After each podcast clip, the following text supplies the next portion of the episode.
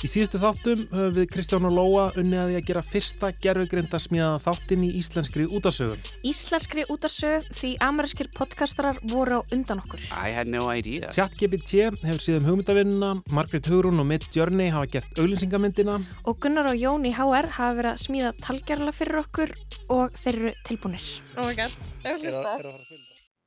Ok, þannig þetta er svona. Já, hvernig finnst þér þetta, finnst þér þetta raunverulegt? Ég veit það ekki, já, mér finnst þú eða þín rödd alveg frekar raunveruleg. Er ég ekki smá formlegur? Jú, kannski smá hljómar þetta eins og ég. Já, þetta er þú. Ok, ok, skiptum aftur. Ok, ég kom með vennilegur röddina minn aftur, mennskuröddina. ok, þá er þetta komið uh, mest stressandi veginn parturinn af þessu ferli og, og eiginlega tímafrekasti. Nákvæmlega, um, við erum búin að vera að býða eftir þessu lengi og þeir eru tilbúinir og þeir hljóma bara nokkuð vel, myndi ég segja. Já, eiginlega bara freka vel. Já, þetta er alveg betra heldur en ég þorða að vona. Já. En þetta er undarlegt mm -hmm. og þetta gerir skrítna hluti fyrir heilan manns að hlusta á þetta. En Lóa, það er eitt sem við vorum ekki búin að leysa. Við erum ekki búin að gera neitt samning um nótkunn á röttin okkar um, og við fengum náttúrulega svona, hvað ég var að segja, aðvarnir frá eldri talgerlum í, í síðustu, síðustu þáttum. Þannig að um, við sendum Gunnar í tölvupóst og, og settum svona ákveðna fyrirvara á hvernig röttin okkar mætti vera notuð. Við sögðum, um, hvað var það aftur? Já, sko, að röttinar verði á engan hátt gerðar aðgengilegar almenningi eða notaðar á ofnbjörnum vettvangi að einingis þeir fá leiði til þess að nota þær en þar megi ekki fara áfram til þriði aðila og að við viljum einungis að þessi notaðar í rannsóknar tilgangi en ekki hagnaðaskinni. Og við bárum þetta undir Gunnar. Segjum að við myndum hérna, gera einhverja rannsókn og ætlum síðan að skrifa grein, þá þurftum við að gefa eitthvað út, þá þurftum við að gefa út mótel eða mm -hmm. gefa út síni eða eitthvað svoleiðis og þá væru við náttúrulega að, að e, setja inn þessar upptökur og setja þær á netið og, og þú veist. Eru þá, eru kröfunar okkar þá ósangjarnar eða miklar, eða veist? Eh, Það sem þið senduð var, var mjög eh, hamlandi í rauninni okay. það, sko, það var aðalega hérna, maður sjá hvað var þetta Já, það var aðalega fyrstu punkturinn, sko, að rattirna verða á engan hátt gerðar aðgengilegar almenningi eða notaðar á ofinbjörnum vettvangi. Það er, okay. það er mjög uh, viðtækt bann. Okay. Já, við erum sagt, ekki komin með neitt samning, við erum ekki búin að skrifa undir neitt leifi, við erum ennþá eftir að útkljá það, við ætlum eiginlega bara að leifa því aðeins að liggja mellir hluta í byli, við þurfum að halda áfram en við munum komast að eitthvað í samkominlegi. En við þurfum að klára þennan þátt, Já. það er kannski fyrsta mála dagskrá, við erum komin langleðina, við erum búin að ákveða umfyllunaröfni fyrir tvö einslög, búin að velja viðmælendur og erum búin að taka viðtölinn. Um, Lóa, hvernig gerðu þetta eiginlega? Já, við náttúrulega fórum kannski svolítið ólíka leiðir. Ég eh, tók viðtalið sögu sig og þá var ég búin að láta ChatGPT semja spurningar fyrir hana. Eh, svo leti ég talgerfi lesa þessar spurningar og svo bara spilaði ég þær fyrir sögu meðan hún satt og hlustaði og svaraði. Mm -hmm. Þú gerði ger þetta aðeins öðru í sig? Já, sko eftir þitt viðtal þá ákvaðu að prófa að fara ennþá lengra með þetta af því að þitt viðtal við sögu var fyrsta viðtalið að við letum tjattgepið til bara sem ég eina spurningu og svo lesa hana í talgerlinum um, en svo letum við svarið frá Jófríðu og Átna inn í talgreini sem að skrifað upp svarið og þennan texta settum við inn í tjattgepið sem gætt þá brugðist við með annari spurningu. Þannig að þetta var svona aðeins flóknaraferli og kannski örlítið tímafrækara líka, alltaf svona smá byggð á milli spurninga, mm -hmm. En það gekk bara nokkuð vel. Þetta er samt svolítið bara svipað eins og þú verður með tólk. Hvernig, hvernig leggst þetta í þig? Mér finnst það mjög spennandi. Ég er búin að fykta þessi ChatGPT heima mm -hmm. og það er rosa mikið vittlið sem kemur út úr þessu. En margt líka mjög skemmtilegt. Já. Mér finnst það svona á jáðurinnum að vera nýtsamlegt en þá sko, en það munur að vera það ekki að leiðast til að nota þetta hatt einmitt, hvernig er svona með að við þá reynslu heldur hvernig, hvernig heldur þetta viðtal verði? Verður pínu steikt eða þú veist, Já. þetta er pínu svona allt eitthvað svona pínu, ó, eitthvað. Mm en kannski kemur ávart, kannski verður þetta svo flott, eða þú veist. Mér bara, mér forvitin Hvernig finnst þér að um, gerfigreind hafi stungið upp á þér sem viðmælanda uh, í umfjöldunum streymistjónustur? Ég, mér finnst það bara, þannig er greinlega verið bara nafnalit á Google eða líka sko. Af því að hérna ég skrifa svo mikið um músík svo lengi, eitthvað svo leiði sko. Já. Það lítur eiginlega bara að vera. Uh, Kanski bara bæði, bæði spennt og stressu því að ummitt. Maður veit ekki alveg hvað hann ætlar að spurja mig og hvernig, hvernig hún veit alls konar um mig með stað svona pingu áhugavert mm -hmm. bara hvernig veit hún hann eða það bara hver ég er og hvað ég er að gera og af hverju vil hann tala um mig með það svolítið skritið mm -hmm. og áhugavert Kanski náttúrulega að því ég var ekki átblötu og búin að vera að fara í orða sem mikið viðtilum upp á síkasti um, ég veit ekki akkur er streymisveitur. Kannski er það bara út af því að hérna, það er mjög vinsalt umræðefni almennt mm -hmm. en maður ætla að vera málefnilegur mitt Mm, ég veit ekki hvort það tengist mér. Mm -hmm. neitt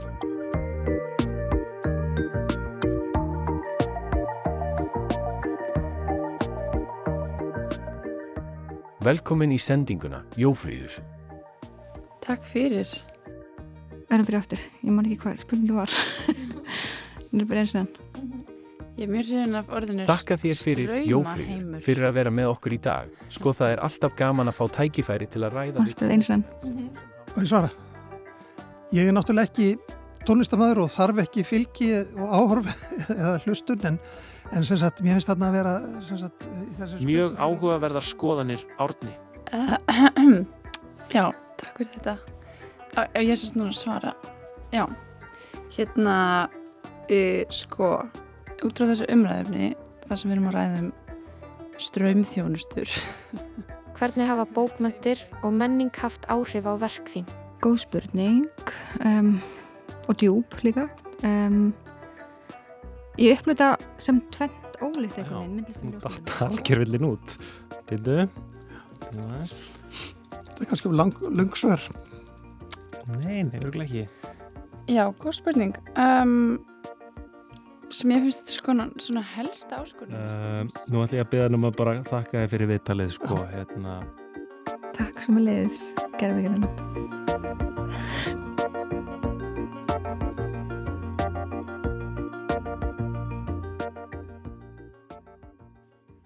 Já hvernig, hvernig varst þér þetta?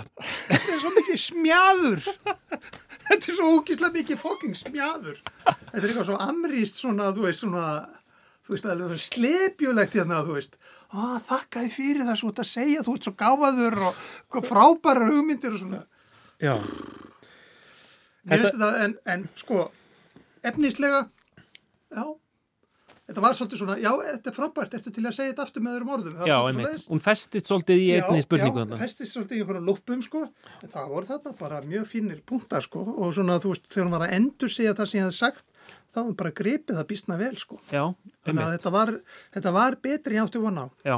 Það var svo, það var, ó, það var leitt erfiðast að vita sem ég gert, líka bara því að hún spurði mig svona tví, hún spurði mjög góðra djúbra spurningar sem enginn hefur spurt mig, sko, vanlega þetta bara hvena byrjar að mynda. Hún var alveg að spurja mig svona alls konar sem ég er ekki búin að hugsa mikið um.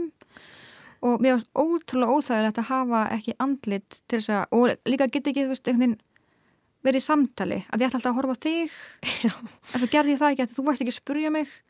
Þannig að það var bara svona ég var bara svona, ég fór alveg nett blackout stundum sem, já, þú, þú þurftur að spurja mig að spila spurningarnar alveg fyrir mig stundum tveisvar Sko, margt mjög spennandi veit að þetta er svona mjög spennandi, stundum rúslega barnalega íslenska stundum mjög svona mm. formleg og svona bara vel orðuð kannski tóka eitthvað sem ég sagði en mikið svona umorða, tóka eitthvað sem ég sagði setti það í svona heila kjarnistara form. Mér finnst það bara fínt sko því að þá svona, já, svona hjálpa manni kannski að setja saman setningar. Já, ég upplýði alveg að, að vera að tala við eitthvað mm -hmm. að vera einhverja spurning, þetta var alveg finnst þetta flotta spurningar. Þetta er svolítið svona ring eftir ring eftir ring svolítið sömu spurningar já þetta er forvindilegt hjá þér, ertu til að segja mér þetta aftur með aðeins öðruvísu orðum? Var þetta skrítnast að viðtal sem þú farið í? Jú, örglega, jú, alveg pottið sko. líka þú veist náttúrulega kannski fólk sem er hlusta sér það ekki en ég kannski var ekki beinu auksambandi við neitt, ég var ekki að horfa þig ekki að, þú varst ekki að horfa mig. Við vorum svona að horfa út í loftið og, og það, ég held að ég var líka oft beinu svona að fara að frjósa því maður var eitthvað svona við hvernig er ég að tala? Hvað er ég, og svo fór ég að hugsa sko um að það væri verið að skrifa niður hvert orð því sem talgreini. Þá fór ég alltaf inn að hugsa um bara ó nei, ég get ekki, ég má ekki vera með þessi híkorð og eitthvað svona. Sem að er ekki hjálplegt þegar maður er líka að reyna að tala á sig eitthvað gáðilegt en hérna mjög áhugavert, mjög mm. fyndið margt mjög fyndið. Þetta gekk þrátt fyrir svona smá högt þá ekkert neginn fannst mér kannski bara líka þessir mennsku viðmalendur svolítið bjarga þessu. Heilbjörguðu viðtalunum. Eitt sem var að naga mig handabögin eftir á uh, út af það var að mér tókst af einhvern óskilinan hátt að uh, nota eldri útgáðu af tjattgefið tíð þegar ég tók viðtalið við átma. Þannig að hún var miklu lélæri í íslensku heldur en nýjasta útgáðan og, og heimskari. Já og líka einhvern veginn lélæri að nota hitt híkorðin og eitthvað þannig, var það ekki bara svona Jú, hérna, ég baði um að setja, hérna, híkorð inn í setningar en hún gaf aldrei setja inn í setningar þar fór alltaf aftast í setninguna og eitthvað svona, en allavega, þetta tókst allt. Við tókum fínu viðtöl.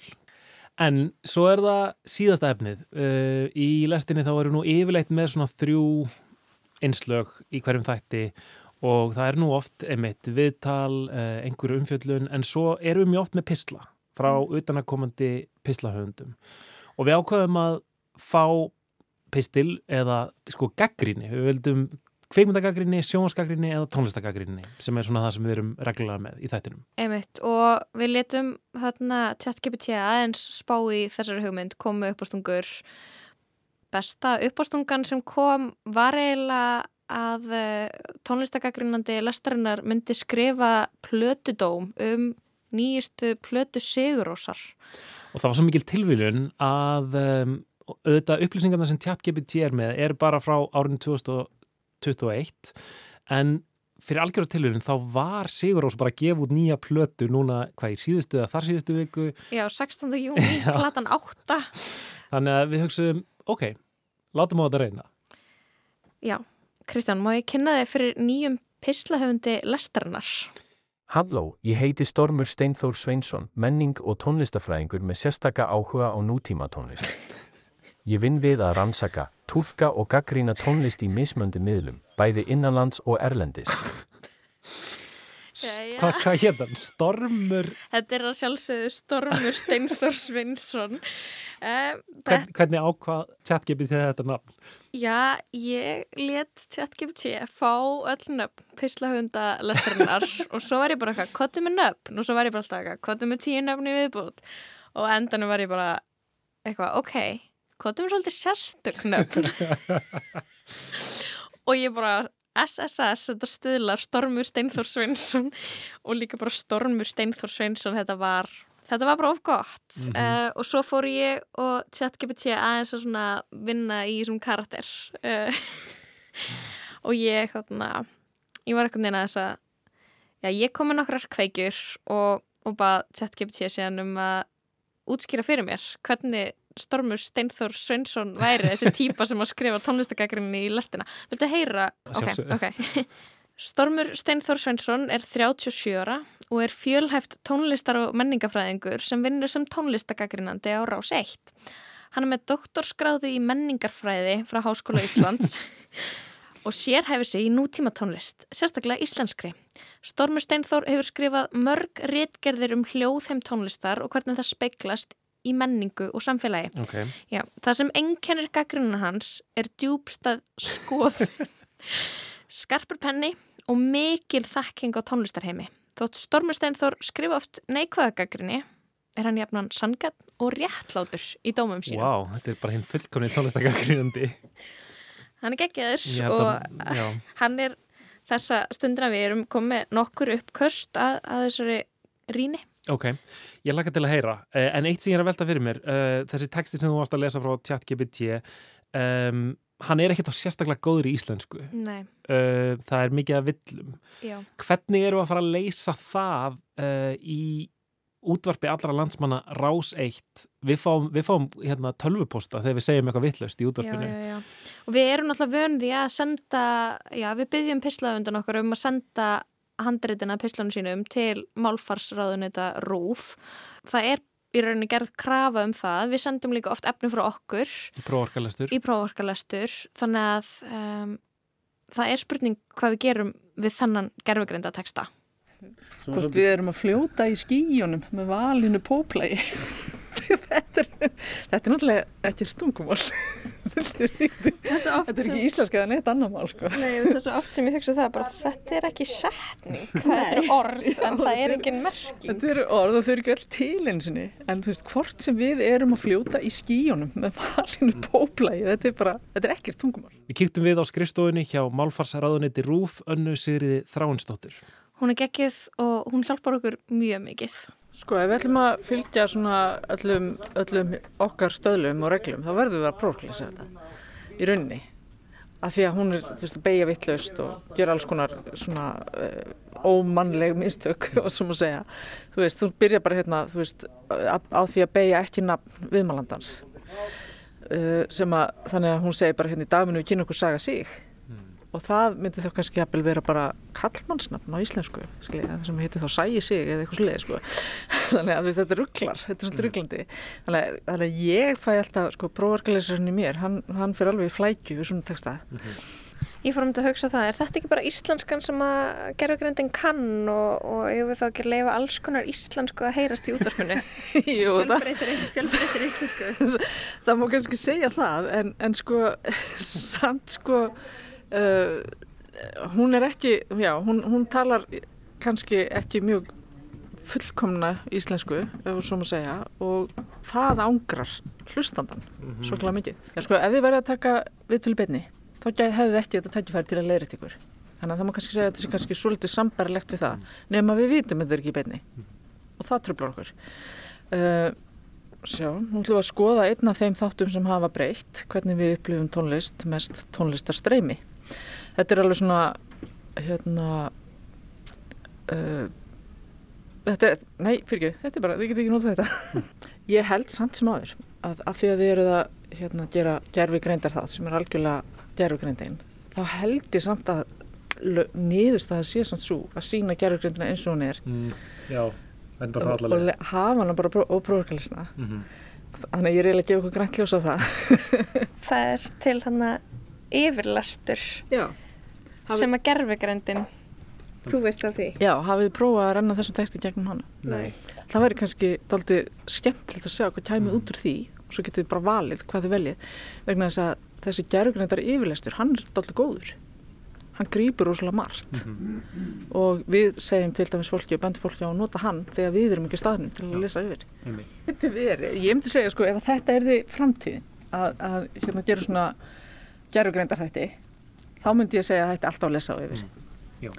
En að því að þið eru að leika ykkur með að gera gerugreindar þátt sem að mannshöndin eða heilin kemur ekki nálægt upp á þessu marki, þá myndi ég segja að láta það fara eins og hann er. Herru Lóa, það er eitt sem við erum að gleyma, eitt hráefni sem vantar í lestina. Já, já, já, tónlistin. Við erum alltaf einhvern veginn á seinustu stundu með tónlist, gleymum alltaf að spá í henni. En það er mjög mikilvæg, við þurfum bæði lög til þess að spila en svo þurfum við líka einhvern veginn svona hljóðskreitingar, eitthvað til þess að skapa andrumsloft. Og líka nýtt lestarstef Nákvæmlega, sem kemur í já, mm, góð pæling. Um, já, ég veit ekki alveg hvað við erum að spá. Við þurfum eiginlega að retta þessu bara sem fyrst. Lóa, ég held ég sem hugmynd.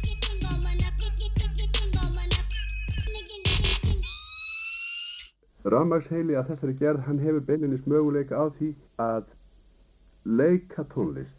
Já, hann getur leikið hana, hann semur hann ekki náttúrulega, en hann getur leikið hana. Það verður að, gera prógram fyrir hann á gataspjald og svo skila hann því, annarkvort uh, spiluðu eða jafnvel, hann syngur það líka, ég veit það fer.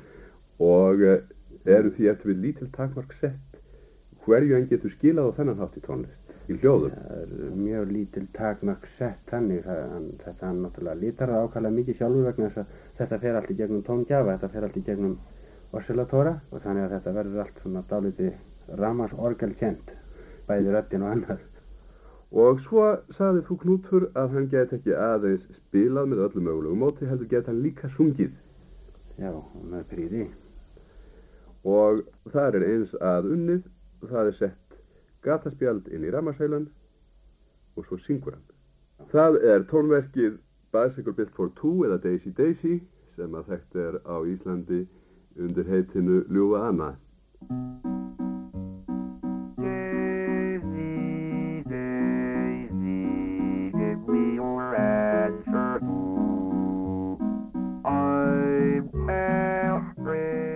Ég heiti Þóraldur Magnússon og ég er rannsóknarprofessor við Listaháskóla Íslands þar sem ég reg verkefni sem heitir Intelligent Instruments. Við erum í rannsóknarstofu þar sem heitir Intelligent Instruments Lab. Það eru doktorsnemar, rannsakendur, listamenn sem vinna saman í því að skoða. Áhrif gerfigreindar á tónlistarflutning, sem sagt ekki hvernig gerfigreind getur samið tónlist sem er nú spennandi viðfangsefni, heldur frekar hvernig gerfigreind verður partur af okkar hljóðfærum og tækjum, svona hálfgerð framlenging af okkar líkama og okkar hugsun.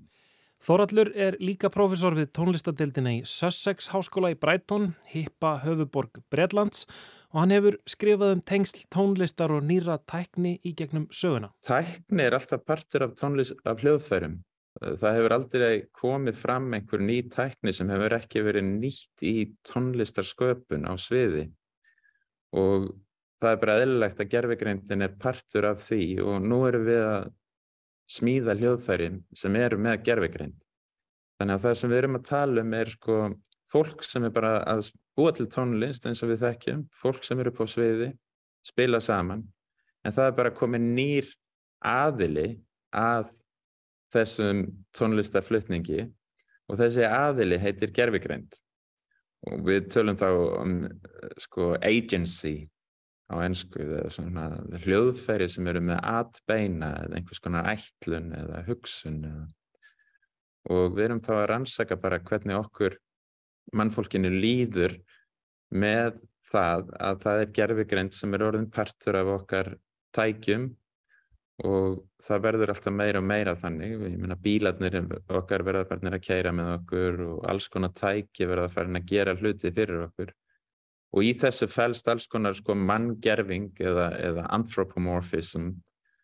Og okkur finnst bara hljóðfæri og tónlist vera bara besti vettvangurinn til þess að rannsaka þessa spurningu hvernig okkur líður með gerfigreind sem bara partur af okkar huga og líkama. En ok, komum okkur að efninu. Hvernig getur við fengið gerfigreind til þess að vera þáttakanda í uh, þáttagerðin okkar, þarfsagerðin okkar, búið til tónlistina það er að segja eða tekið þátt í tónlistinni. Hvernig getur við fengið hann til þess að taka þátt á, á hátt sem að uh, lætur okkur uh, koma sem minnst að? Já, það eru náttúrulega til alls konar fáriðt sem þið getur leitað hérna, á netinu sem smíða eða semja tónlist fyrir ykkur. Þannig að það verður náttúrulega léttast bara að þið promptið einhvern hérna, einhver tónlistafáriðt eins og ChatGPT og þið segir bara ég vil fá þetta og þetta og, og svona. Þið getur líka farið í playlistan hjá OpenAI þar sem þau hafa búið til tónlist í stíl fjölda tónlistamanna. Þið getur bara skrifað inn ykkar uppáhalds tónlistamann, hvort sem það er Billie Holiday eða ACDC eða hvað það nú er og, og hérna, eða Chopin og fengið bara nýja tónlist eftir þennan aðila. En þetta verkefni sem ég er að tala um, þetta OpenAI verkefni og þessi playlisti þegar hann er, þetta er orðið alveg fjær ára gamalt og og hljómar ekkert rosalega vel, soundið á því er ekkert svakalega gott. Já, ég fór aðeins og grúskaði í þessari kistu OpenAI af tónlist og þetta er, já, þetta hljómar ekkert rosalega vel en maður heyrir samt að uh, þessi tækni er mjög góð í að líka eftir listamönnum og ta takk eftir, þetta er fjögur ára gamalt núna. Uh, hérna heyrum við til dæmis Ellu Fitzgerald syngja sína útgáðu af Baby Shark.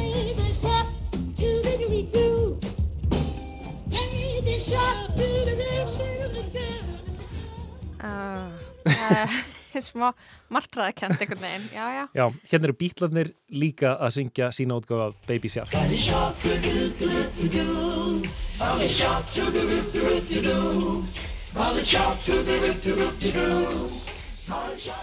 Þetta er framtíðin, allir að syngja Baby Shark út í eilíðina. Já, vá, ég vissi ekki að ég þyrti ekki að heyra þetta á minni æfi. En ok. En, en hann nefndi mörgunur dæmi um svona samvinnu tónlistamanna og gerugreindar. Til dæmis sænsku tónlistamæður og vinnur hann sem heitir Bob Sturm. Hann mataði gerugreind af írskri og sænskri þjóðlaðatónlist og let uh, gerugreind svo semja nýja tónlist í þeim anda gaf þetta svo út á plötu með hljóðfærarleik mannlegra hljóðfærarleikara og þetta fekk bara svona príðistóma hjá gaggrínundum sem að vissu ekkert um aðkomu tölvunar.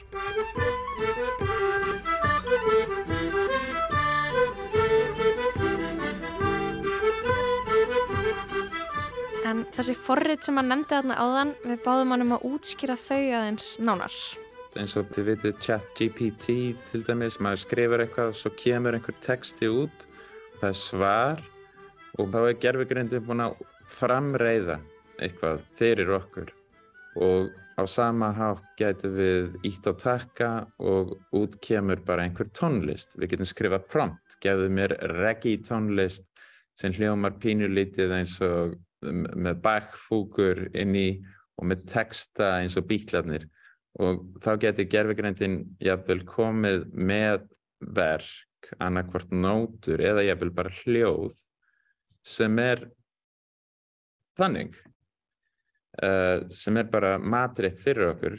En þetta er náttúrulega bara ágætt og, og spennandi og náttúrulega frábær verkfræði og bakvið þetta allt saman og mikil sköpun.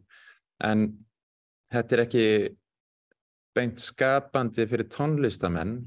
Kannski að vissu leiti, sko, þessi prompt, að vera promptað svona, ég veit ekki hvað íslenska orðið fyrir prompt er.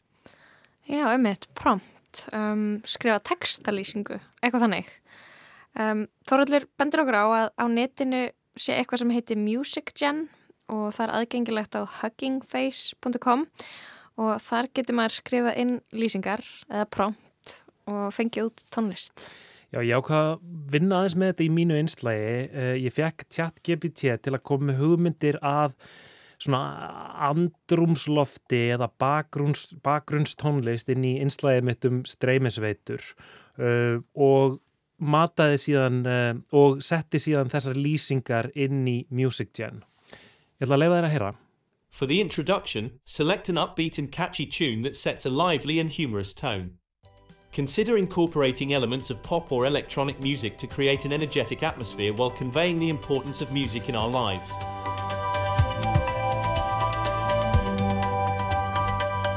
Hlæða aftur. Möndir ekki nota þetta? Þú, flott lag. Þetta er mesta liftu tónlist sem ég hef heyrst. Já, betur en... svona býr maður til tónlist í töluleikina Sims. Já, einmitt. Heyrum næsta. While Orny shares his insights on music streaming, opt for subtle and contemplative instrumental tracks that allow his voice to take the spotlight. Choose pieces that evoke thoughtfulness and reflection while emphasizing the positive and transformative aspects of music streaming.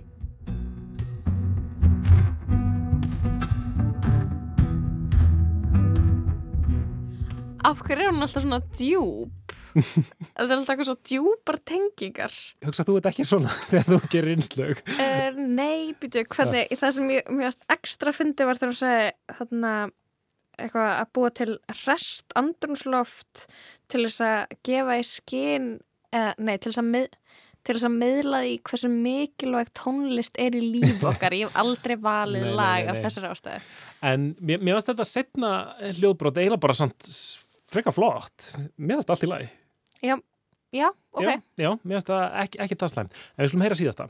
To wrap up the segment, opt for an uplifting and optimistic track that reflects the ongoing evolution of music streaming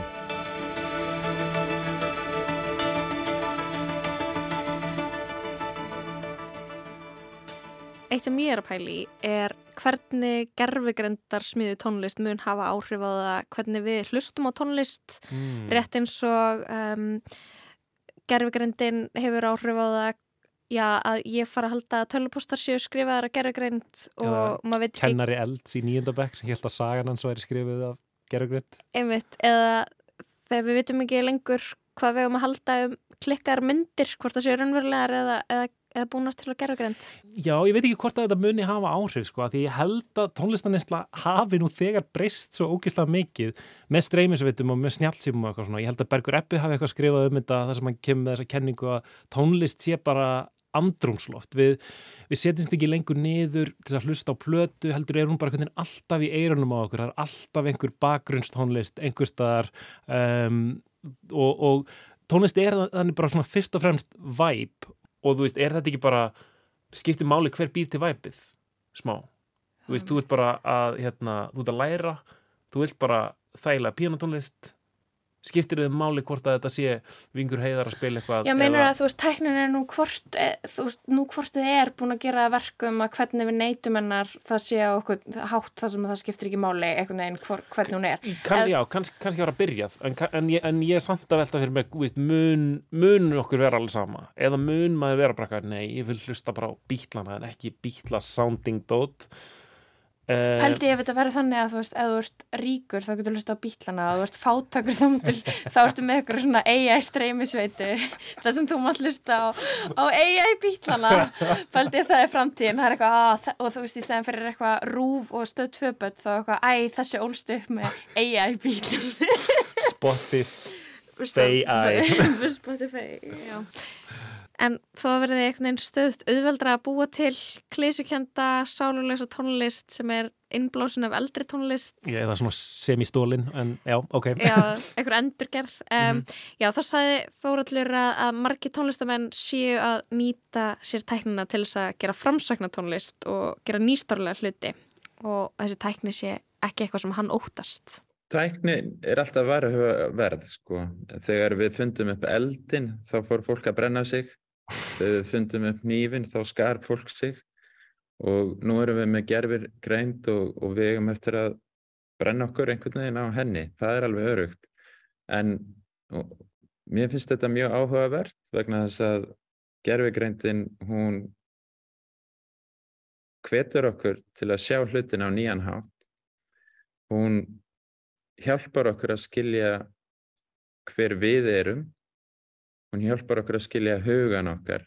Hérna, hugarvísinda fólk, cognitive scientists eru mikið í gerfugrind til þess að reyna að skilja hvernig við hugsum, hvaða er að hugsa og annað.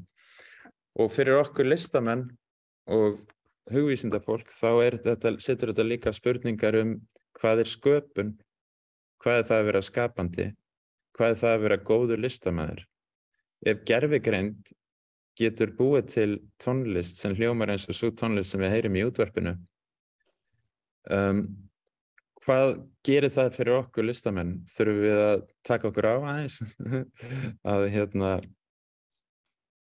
vera frumlegri heldur en vélinn til mhm. dæmis mm -hmm. og ég held að sko niðurstaðan er náttúrulega svo að, að hérna, gerfegreindin mun aldrei vera í framlínu nýrar tónlistar. Hún er ekki að opna nýjar vítir og nýja heima eins og en góðir listamenn gera. Heldur eh, verður gerfigreindin góð í því að apa eftir. Og það er það sem hún er góð í að gera. Hún, hún, hún er góð í að analysera struktúra, form og munstur og getur hermt eftir. Og það er fullt af listamennum sem herma eftir en þeir kannski já, það má kannski segja að gerfigreindin kannski ógni þeirra yðið svolítið sko. Mm -hmm. en, en hérna en mér finnst þetta sko, mér finnst það ekki træðilegt þetta er bara spennandi sko, ný tækni, ég meina fólk sem gróf skurði í gamla daga með skoblur það hérna misti vinnuna þegar hérna, skurðgrafan kom. En það bara skópust aðrar vinnur. Það var einhver sem vann í skurðgröfunni og aðrir fór að gera annað.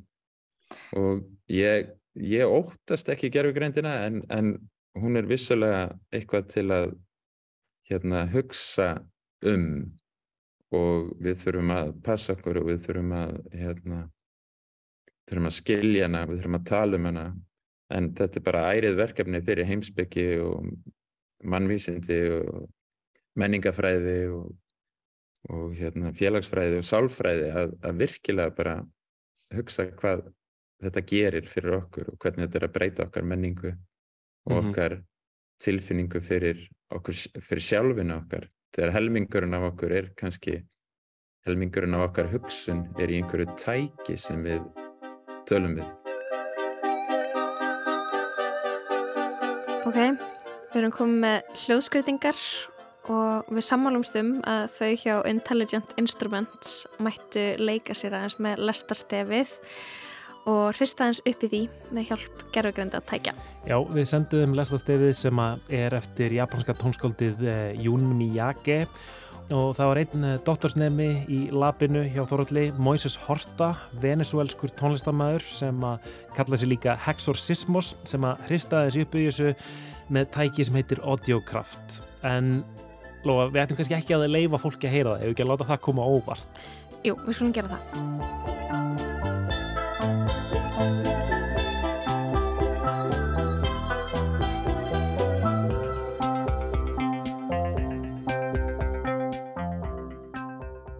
Þetta er bara að gerast. Þátturinn er eiginlega tilbúin. Já, betur nú, erum við ekki eiginlega bara komin með langmestaði sem við þurfum? Viðtöl, pistlar, uh, handriti farið að skýrast? Jú, ég á aðeins eftir að klippa sögu sig viðtala að vera einhvern veginn aðeins og langt Mm. þannig að ég ætla að fá chat-GPT aðeins til að til að stýta. Ok, svona nýðustadan uh, með þetta, fannst þér þetta ganga betur að verða þú bjóst við? Já, um, það er góð spurning. Ég held að sumt sem að ég held að væri auðvelt var kannski frekar tímafrækt Mhm. og það sem að ég held að er tímafrækt var síðan kannski bara auðvelt. Um, kemur kannski smá óvart að þetta hafi tekist. Það var ekkert alltaf eitthvað svaglega bjart sín. En hvernig fannst þér ganga?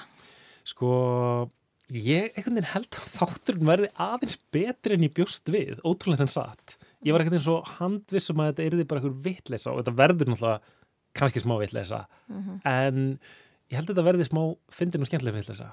Ég held að við höfum bæði svona þegar við vorum að byrja að vinna þetta sé fyrir okkur einhverja bara bull súpu, einhver, Mm -hmm. rugg og þannig að það var alltaf kannski smá svona púki í okkur en svo einhvern Já. veginn En sko ég, ég verð að segja að við auðvitað tókum oft í taumana og við stýrðum gerfugrindinni í þær áttir sem að við uh, vildum að hún færi. Þú veist, við, markmiði var að búa til lestarþátt sem myndi hljóma eins og lestarþáttur og kannski að hluta til var þetta bara eitthvað svona brandari líka frá upphafi af því að oft eru þættirnir sem við búum til, við búum til svo mikið af þáttum og, og þeir verða stundum svolítið klísjukendir og maður hugsaður oft, býtu, gerfugrind gæti bara samið þetta, gerfugrind gæti generatað uh, titilinn á þessum lestarþætti, þetta er svo, við erum, við erum orðin skopmyndinar af, af sjálfum okkur. já, mitt, stundum er eitthvað jæja, þetta er lestarþáttur þú veist, þegar við erum að skrifa. Lestarlegasti, lestarþáttur sögunar og þannig að það var kannski svona markmið að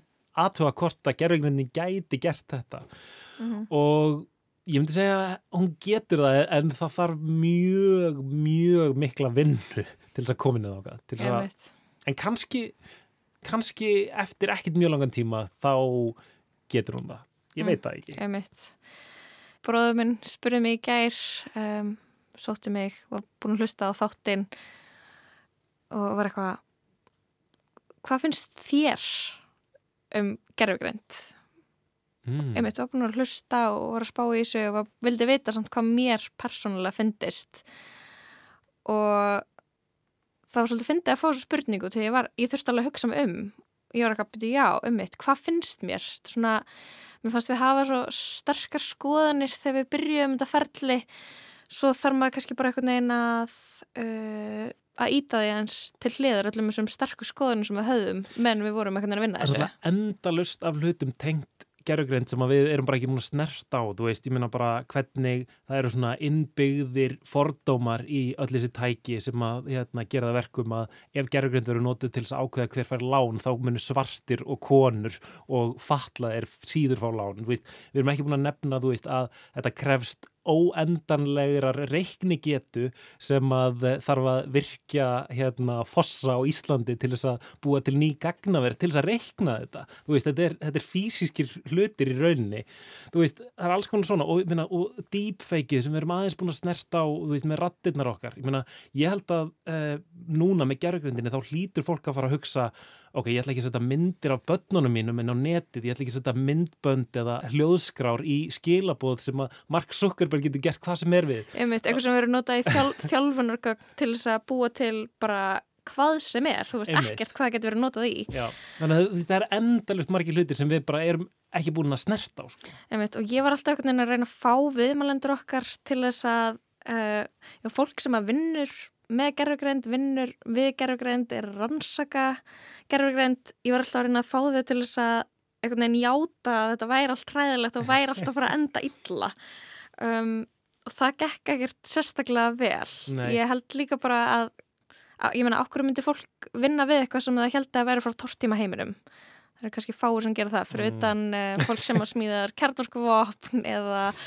uh, kafbóta til að fara að skoða Titanic eða eitthvað, en annars er fólk bara Já, heldur eh, fólk, flest fólk að reyna að gera gott. en sko annað er nefnilega umræðan undarfærið hefur mjög mikið snúist um sko bara hvort að gerugreind uh, ógni tilvist mannkynsins og ég hef alveg svona farið og ég heila smá djúpa dali með það. Ég fór einhvern veginn að hlusta á einhverja, einhverja pælara sem voru bara búinir að sannfara mig um að gerfugreindin væri að fara tortíma mannkyninu á næstu árum. Ég var í alvörinu orðin bara þunglindur.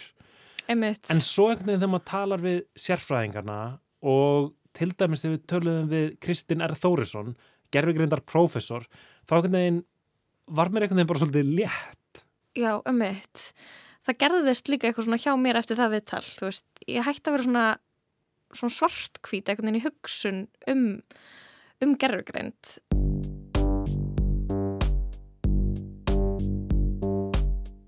Finnst þér að stundum eitthvað svona ókveikjandi pæling að spáið í hverjir séu með þessa tækni undir höndunum og hvað þeir getu gert við hana og um, já, fin- finnst þér það skeri pæling?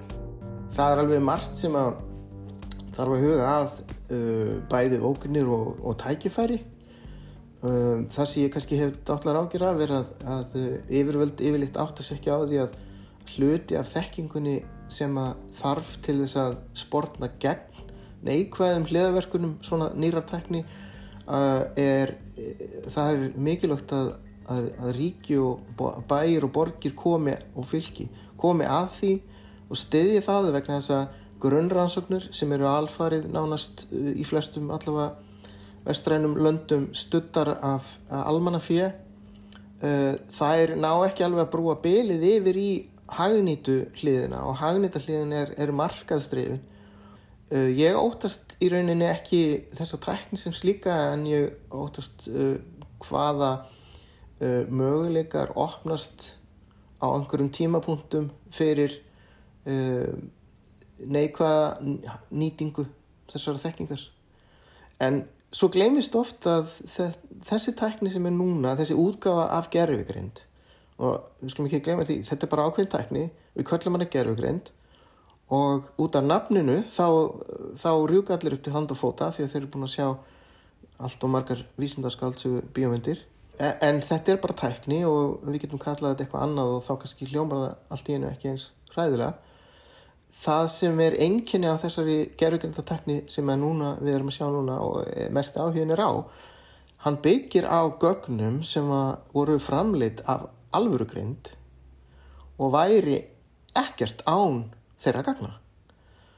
Þannig að við, við erum ekki ennþá með vélar sem læra sjálfar. Við, við erum með vélar sem við getum matað á gögnum og sama gamla sagan sem að er alltaf tölvan gerir aldrei neitt sem hún hefur ekki verið forrötu fyrir hún áirinu ennþá við. Það er náttúrulega hefur verið mikil umræða núna undanfarnar vikur þar sem hafa verið einhvern veginn undirskriftarlistar og áköll, þú veist, frá eh, mikið til aðilum sem eru hérna annarkvort einhverjir rannsakendur, eh, gerfugreindarinn eins og hann kallar hérna Jeffrey Hinton og svo alls konar aðilar sem að sem eru að, að vinna í þessari tækni eru einhvern veginn að vara viðinu og víst, hugtað, víst, orðið tilvistar ógn er jáfnvel svona ógn við mannkinnið er einhvern veginn mjög mikið umræðinni. Getur þú svona, getur þú útskýrt af hverju þú ert ekki hrættur við það eða, eða, eða, eða hljómar eins og þú sért ekki hrættur við það, af, af hverju ekki? Mjög mikið af, af þessu, þessu ræðslu hún sprettur af miskilningi og, og ákveðnum uh, segja, ákveðni blindni við staðrindum þessar tækni. Um, til dæmis uh, gleimist það mjög oft að til þess að uh, hérna, keira svona kerfi þá þarf að vera gífulega orku og það þarf gífulega tíma til að þróa þér og jáfnvel þó okkur finnist framfæriðnar vera mjög hraðar þá eru þeir í rauninni ekki mjög hraðar. Það, það er, það er tálsín sem, uh, sem er vegna þess að að, uh, almenningur var rauninni ekkert að pæli þessari tekní fyrir bara fyrir svona 5 árum síðan. Og það, það, þessi 70 ára undan þau gleymast bara. Þetta tók 70 ára að komast hingað. Við ætlum að uh, já það fyrir eftir hvernig módel við hugsaum með framfærir, hvernig framfærir verða en uh, hugsanlega uh, hérna, ef við hugsaum að tvöfalda það sem að þá getur sem að vélarnir hafa í dag þá er það að tala um önnur 70 ár mögulega. Er það samt? Já, vegna þess að tæknin sem að, sem að þessar framfæri byggja þetta er hagnýtingar uh, tækni þetta er ekki grunn tækni þetta er ekki grunn hugmyndir uh, þessi tækni hún byggir á tölfræði það er ekki mjög sterk rauk sem mæla með því að greind, náttúrulega greind byggi alfarið á tölfræði þar að segja, til þess að þessi tækni sem er núna verið að nota gæti náð uh, alliða greind þá þurftum við að samþykja þá staðhæfingu að greind byggi alfarið á tölfræði, náttúrulega greind og það held ég sé allránt en það eru mjög fáir í raunin af þeim sem eru að hagnýta gerfugrind í dag sem skilja þann, þann punkt. Hvað er það sem við þurfum að varast varandi þessa tækni?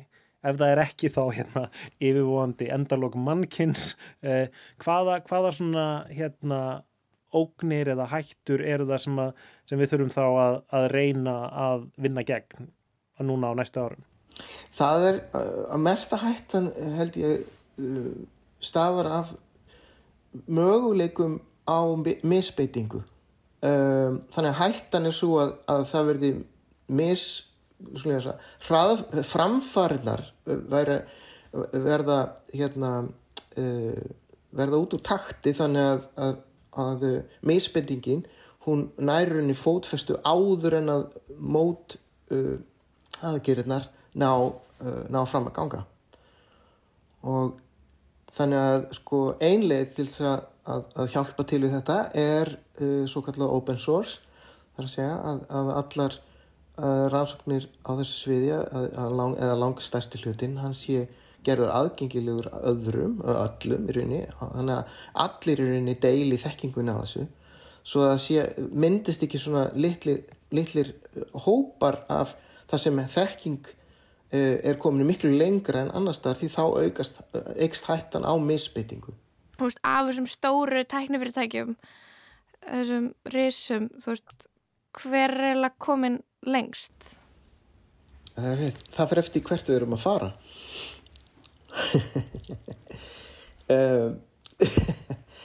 það, það sem menn gleima oft og er í rauninni erfitt oft fyrir uh, vel meinandi almenning að ímynda sér er að er þetta gífulega fjármagt sem er undir hjá þessum fyrirtækjum við erum að tala um miljardi af dollurum og um, bara það til þess að segja sko í viðtali uh, ef maður er, hjá, ef maður er sko hátt settur hjá einhverjum af þessu stóru fyrirtækjum og maður segir eitthvað svona eins og já þetta er svo hættulegt að ég, ég er að vona að ríkistjórnir bara setir reglur á þetta og hamlur að það getur það getur haft alveg gífur það var alveg gífurlegt uh, magna af aðtekli uh, gegnum það og möguleika á því hverja þú hittir hverja þú tala við og svo framvegis.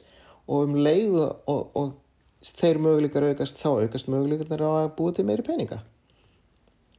Og þannig að ég held í rauninni að þetta sýnir daldi vel um, allavega þeim sem geta aðeins sko greint þessa stöðu sem heimurinn er í dag núna að, að kannski uh, þurfum við kannski að endur skoða aðeins hvernig lögin um fyrirtæki virka og hvort við þurfum ekki að láta þessi fyrirtæki vera aðeins félagslega ábyrðar meiri með löggjöf vegna þess að það er löggjöf sem gefur þeim þessa möguleika á að búa til þess að alveg of fjár uh, af tekjum af, af, af þessum gögnum af þessari, þessari fréttamennsku í rauninni og, uh, og, og alltaf að styrkja sig í sessi. En, en svarið hver, við því hver er komin lengst það, þá svarið bara það fyrir eftir í hvert við erum að fara. Það fyrir eftir hvert við erum að fara og hvernig við mælum það fyrir þeim er þetta náttúrulega frekar augljóst sko, sá sem er að búa til mesta peningin hraðast, hann er fremstur. Það er eina markmið fyrirtækja. Ég mitt Ég mitt Það er, það er náttúrulega bottom line Fokking fyrirtæki. Það er náttúrulega hérna, er þeim í hag að segjast vera komin bara rétt uh, bara rétt í námunda við alliða greind og ég efast ekki um að margir þessar aðila trúi því sjálfur að þeir séu bara alveg við það að búa til alliða greind en um, ef, ef, ef ég spurður að því sko hversu nálegt erum við komin því að, að búa til alliða greind þá myndi ég segja að við erum kannski komin uh, 15% þangað. En þessi fyrirtæki eru komin kannski 5% þangað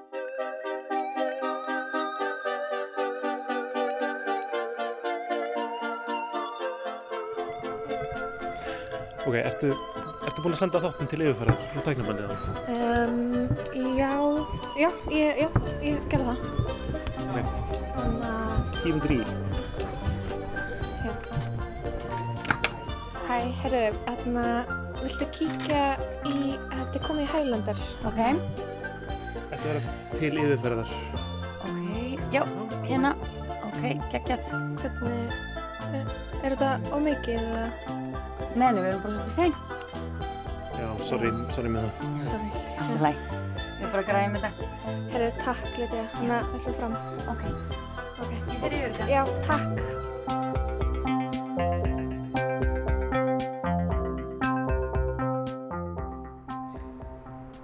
Á morgun fer í loftið þáttur sem við gerðum með ChatGPT.